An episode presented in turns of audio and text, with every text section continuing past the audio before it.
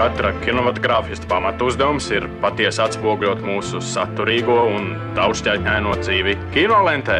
Izceļot tipisko un izlaižot mazsvarīgo, akcentējot panākumus un nenoklusējot dažkārt sastopamus trūkumus. Balansējiet, nu godājiet vēseli inženieri starp pienākumu un varēšanu. Pie jūras klimats par kino. Labdien, mīļie radio klausītāji! Šogad Latvijas Nacionālā kino balvu Lielais Kristaps, kas norisinās no 12. līdz 15. novembrim, būs citādāka. Vēl līdz atkārtotai ārkārtas stāvokļa izsludināšanai bija paredzēts, ka nominēto filmu, kā arī īpašo lielā Kristapa pirmizrāžu seansi būs skatām gan kinoteātrī Splendid Palace, gan kultūra vietā tu jau zini kur. Taču šobrīd kinoteātris ir ciet, un arī Lielais Kristaps ir pārcēlies uz tiešsaisti un televīziju. Vietnē Filmas LV būs skatām balvai nominēto filmu izlase, īpašās pirmizrādes, kā arī mūža balvas laureāta Kalvija Zeltsmaņa retrospektīva. Pati balvas pasniegšanas ceremonija 15. novembrī noritēs bez publikas, un to būs iespēja skatīties tiešraidē LTV1, LSM.LV un Replay.LV. Viena no pirmizrādēm, kur arī ir pārcēlusies uz tiešsaisti, ir 14. novembrī paredzētā Lienas Lindes un Armānas Zača dokumentālās filmas klātbūtne pirmizrāde. Filma ir arī nominēta Lielajam Kristapam divās kategorijās - labākā filmas dokumentālā filma un labākā dokumentālās filmas režija. Filma klātbūtne stāsta par četru sieviešu pieredzi grūtniecības laikā un par to, ko katrai no viņām nozīmē būt mātei. Tie ir intīmi un gan aizkustinoši, gan reizēm skumji portreti, ko radīs šis režisora tandēms. Par to, ko kino veidotājiem nozīmē pirmizrāde tiešsaistē, kā arī par filmas tapšanas procesu, pastāstīs studijas viesi - dokumentālās filmas klātbūtne režisori Liena Linda un Armāns Začs. Sveicināti! Sveiki!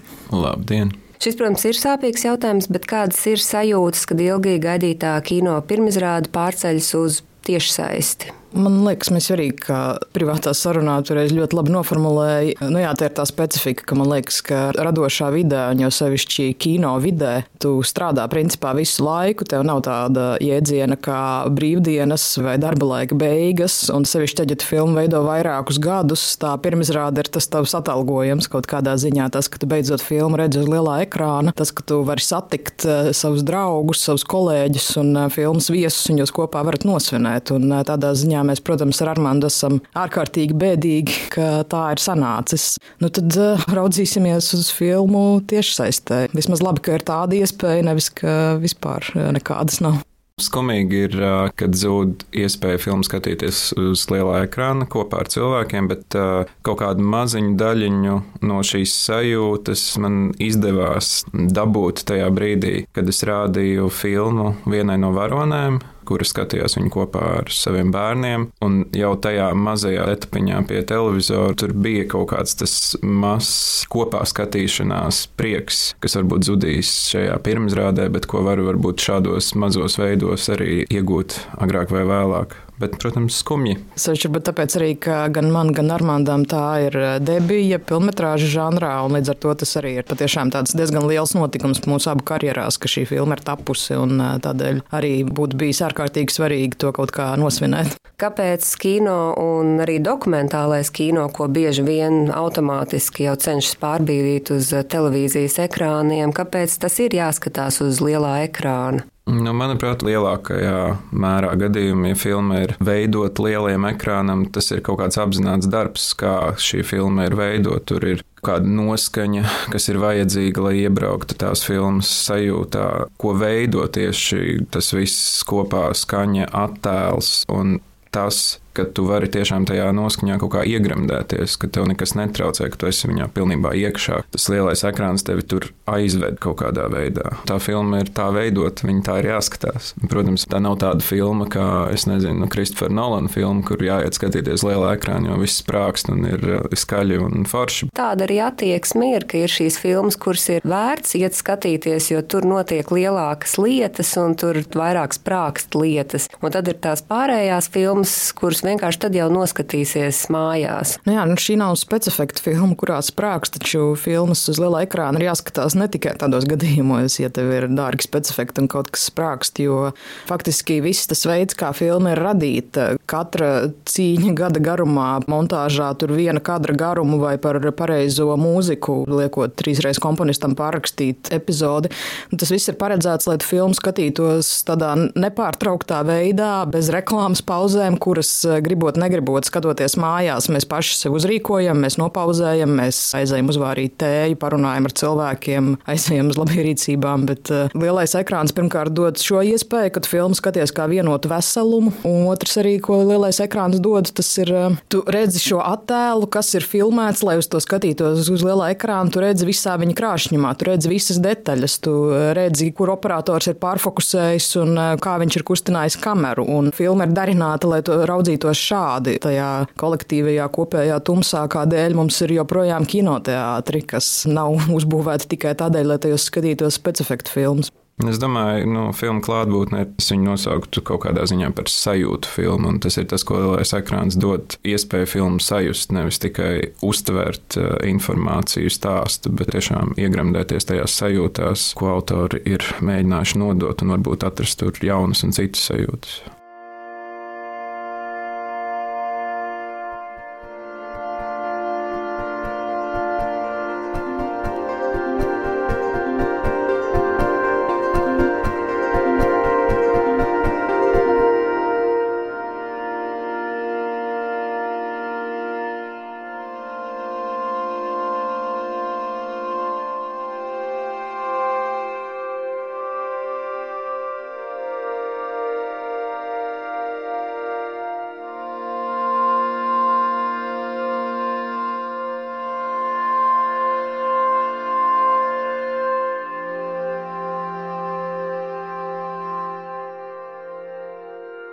Kā jūs izvēlējāties šo tēmu filmai klātbūtne? tēmas idejas iniciators biju es. Šī ideja radās īsu laiku pēc tam, kad piedzima mans dēls Miķelis.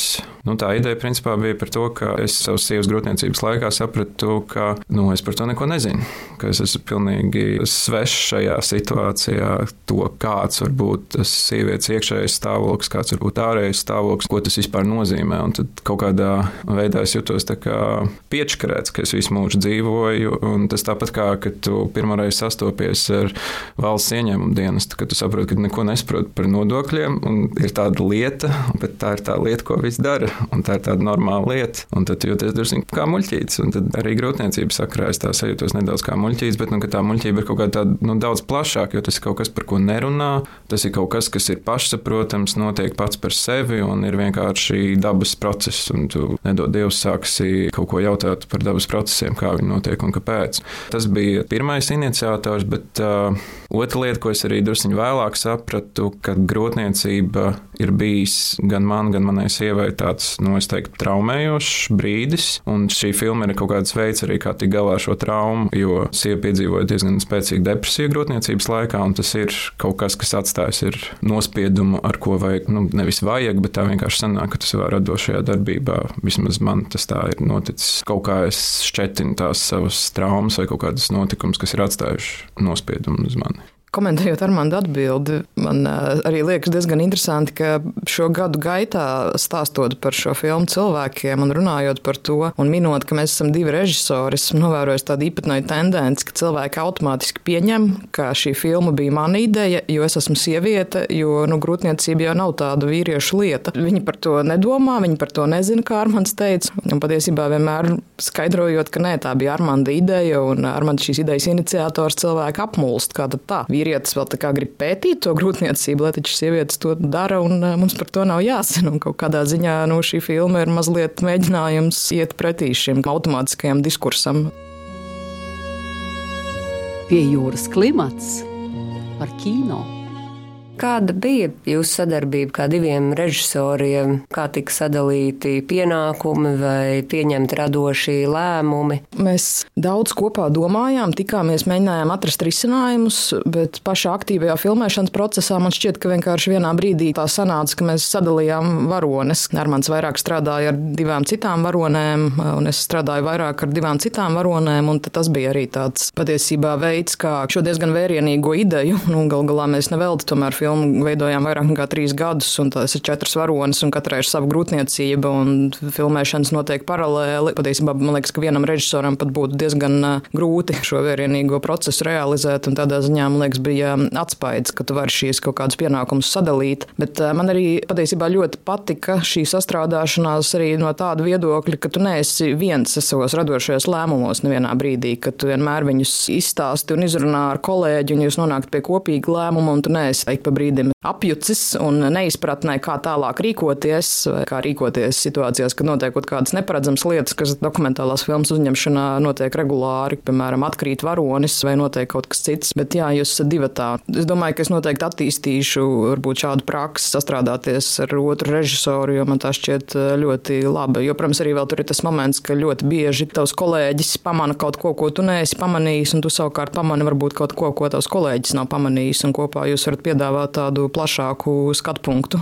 Es pilnībā piekrītu par to, ka ir ļoti svētīgi, ka tev ir šis otrs cilvēks, ir īpaši priekš tāda cilvēka kā es, kurš sevi nemitīgi kaut kā apšauba vai šaubās par saviem lēmumiem, vai domā, vai tas ir pareizi, vai tas nav pareizi, vai vajag darīt tā vai šitā. Tas, ka tu vari skaļi pateikt savas domas un dzirdēt kaut kādu feedback, kaut vai feedbacks arī ir, nu, es nezinu, jā, šī ir problēma, padomājumi, bet tev nav sajūta, ka tas kaut kādā savas galvas labirintā tur iestrēdzis. Un tādā ziņā tas ļoti palīdz. Ir īpaši šādam procesam, kur visu laiku ir kaut kāda darīšana ar nezināmajiem. Tas nav kaut kāds izplānots filma, kur tu atrod to pareizo ceļu, bet tu visu laiku nezini, kas notiks rīt. Ir īpaši ņemot vērā, ka tas process filmēšanas mums bija tik ļoti īss. Ir grūtniecība, viņa jau ir sākusies, mēs filmējam. Nav laika padomāt, jā. Nav laika padomāt, tur nav nekāds iepazīšanās testa brīdis, kad tu saproti, kādas varonas darbojas. Vienkārši ej un filmē, un tad tev vajag domāt, ko mēs filmēsim nākamnedēļ, ko mēs darīsim tālāk. Un viens režisors tur visticamāk pazustu tajā visā, ja viņš nebūtu pieredzes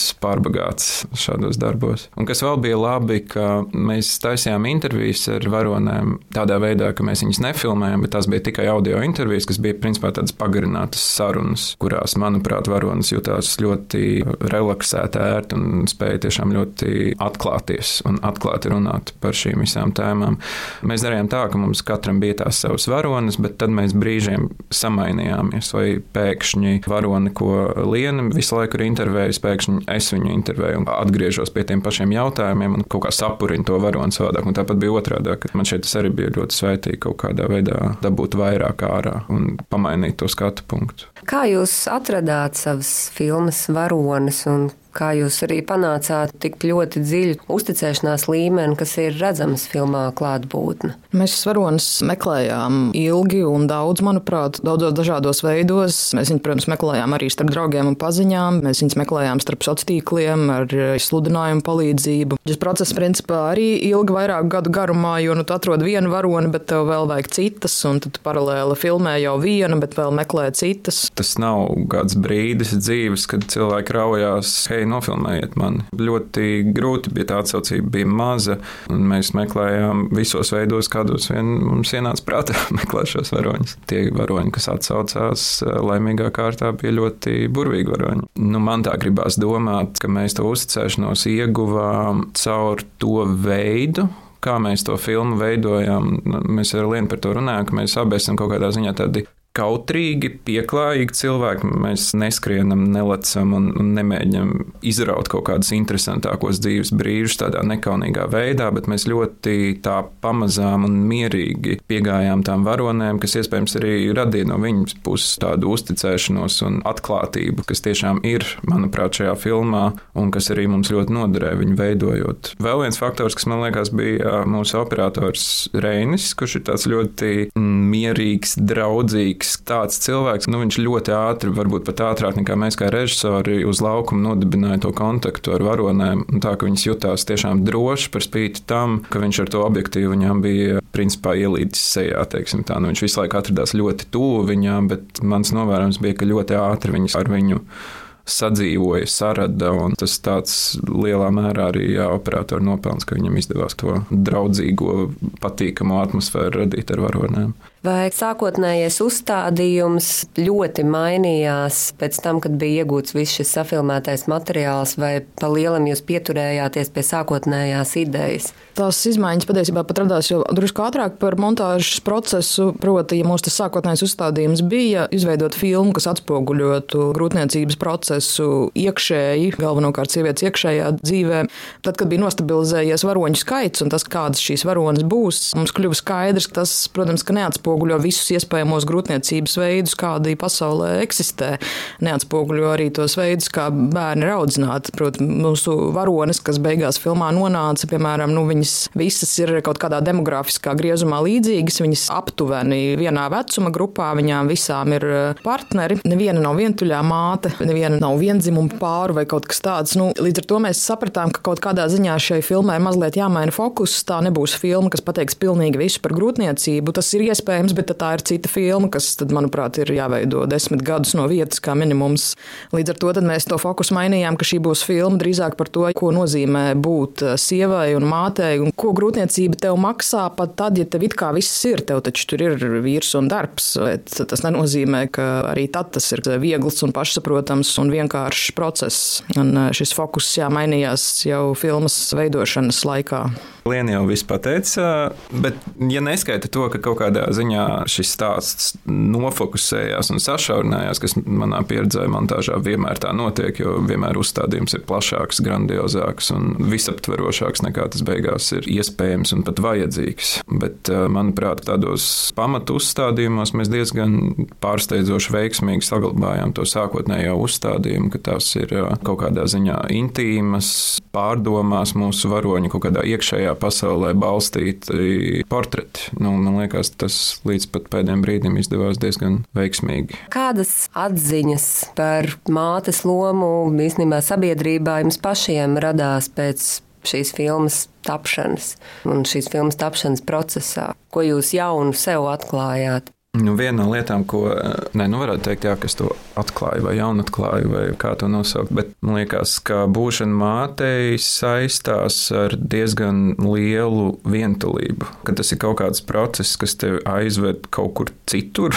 Grūti to kaut kā noraksturot, bet tas, ko es redzēju tajā materiālā un tajā, cik es biju klāt mūsu varoņu dzīvēs, un par spīti tam, ka tev ir viss atbalstošākais un saprotošākais partneris, kurš ir blakus blakus un visādos veidos iesaistās. Tāpat uh, radās sajūta, ka tā sieviete tajā grūtniecības laikā un arī pēc tam viņa kaut kādā ziņā ir viena. Nezinu, kaut kādā ziņā veidojās jauna telpa, kur ir tikai viņai un varbūt tam bērnam, bet arī pat nē, nu, ka viņa kaut kādā veidā nodalās nedaudz. Bet nu, tas ir tādā sajūta līmenī. Neesmu pārliecināts, vai tas tā ir. Bet tāda sajūta man radās, ka tur ir klāta liela deva vientulības. Tur nav ko piebilst. Tas ir varbūt arī pats svarīgākais. Mana galvenā atklāsme ir vienkārši tāda, ka man šķiet, ka par šo tēmu tas banāli skanēs, bet tiešām īpaši daudz nerunā. Nerunā arī par to tumsu, kas varbūt šajā procesā brīžiem piemeklē, un eh, par to nevajag runāt, jo tā tumsa arī nav tik liela. Man liekas, ka jo sievietes vairāk zinās, ko šis process maksā, jo patiesībā viņas varbūt pat ar drošāku sirdi būs ar mieru to darīt. Jo visi tie stereotipi ap grūtniecību ir gan tādi nereālistiski pozitīvi, ka tas ir tavs dievišķais dievietes laiks, kad tu plūsti caur dzīvi un viss tevi apkalpo, un tad ir arī tāda negatīvie, ka tā ir kaut kāda elle un tev piemeklēs dažādi veidi depresijas un tavs ķermenis sabojāsies uz visiem laikiem. Bet patiesībā neviens ne otrs stereotips nav nav patiesas un eh, ka grūtniecība ir vienkārši eh, neatkārtojama unikāla pieredze, kas ar tevi notiek, un viņā ir gan labais, gan sliktais, un manuprāt, par to ir vērts runāt, un tas ir interesanti. Kas man likās interesanti, ka tajā brīdī, kad mēs jau bijām montāžas procesā un mēs rādījām dažādiem cilvēkiem, vaicājām pēc padoma, kaut kā testējām, bija principā cilvēki, kam nav bijuši bērni vai kas nav bijuši klāt grūtniecībai kā procesam. Pārsvarā tas viedoklis bija tāds, ka mēs esam uztaisījuši baigi drūmo filmu un tādu antireklāmu grūtniecībai. Savukārt cilvēki, kas bija to piedzīvojuši, vai tās bija mātes vai tēvi, kas ir bijuši blakus, atkal viņiem likās, ka diezgan tāds objektīvs vai pat nedaudz tāds maigs skatījums uz šo lietu. Tas man likās, jā, interesanti. Nu, tas par kaut ko liecina. Kāds tad šobrīd ir filmas tālākais ceļš pie skatītājiem? Nu, filma pēc pirmizrādes nonāks arī vietā televīzija un interneta platformās, gan LMT, gan TET platformās. Kaut kad tā būs noteikti arī skatām Latvijas televīzijā. Mēs arī Ceram, ka šī filma varētu interesēt kādus ārvalstu festivālus. Mums ir pārdošanas aģents filmai, kurš šo filmu izvēlējies, un tad mēs sēžam un gaidām, kas notiks šajā pasaulē, kurā, protams, arī ar kinofestivāliem viss ir daudz citādāk nekā vēl bija pirms gada. Bet kaut kad cerams redzēsim arī uz lielā ekrāna. Cerams. Mēs arī tā ceram. Paldies jums par sarunu. Paldies, Marta. Paldies! Raidījumu vadīja Marta Elīna Martinsone, montēja Andra Černievska. Raidījumu piejūras klimats producente Inga Saksone. Raidījums tapis ar valsts kultūra kapitāla fondu finansiālu atbalstu.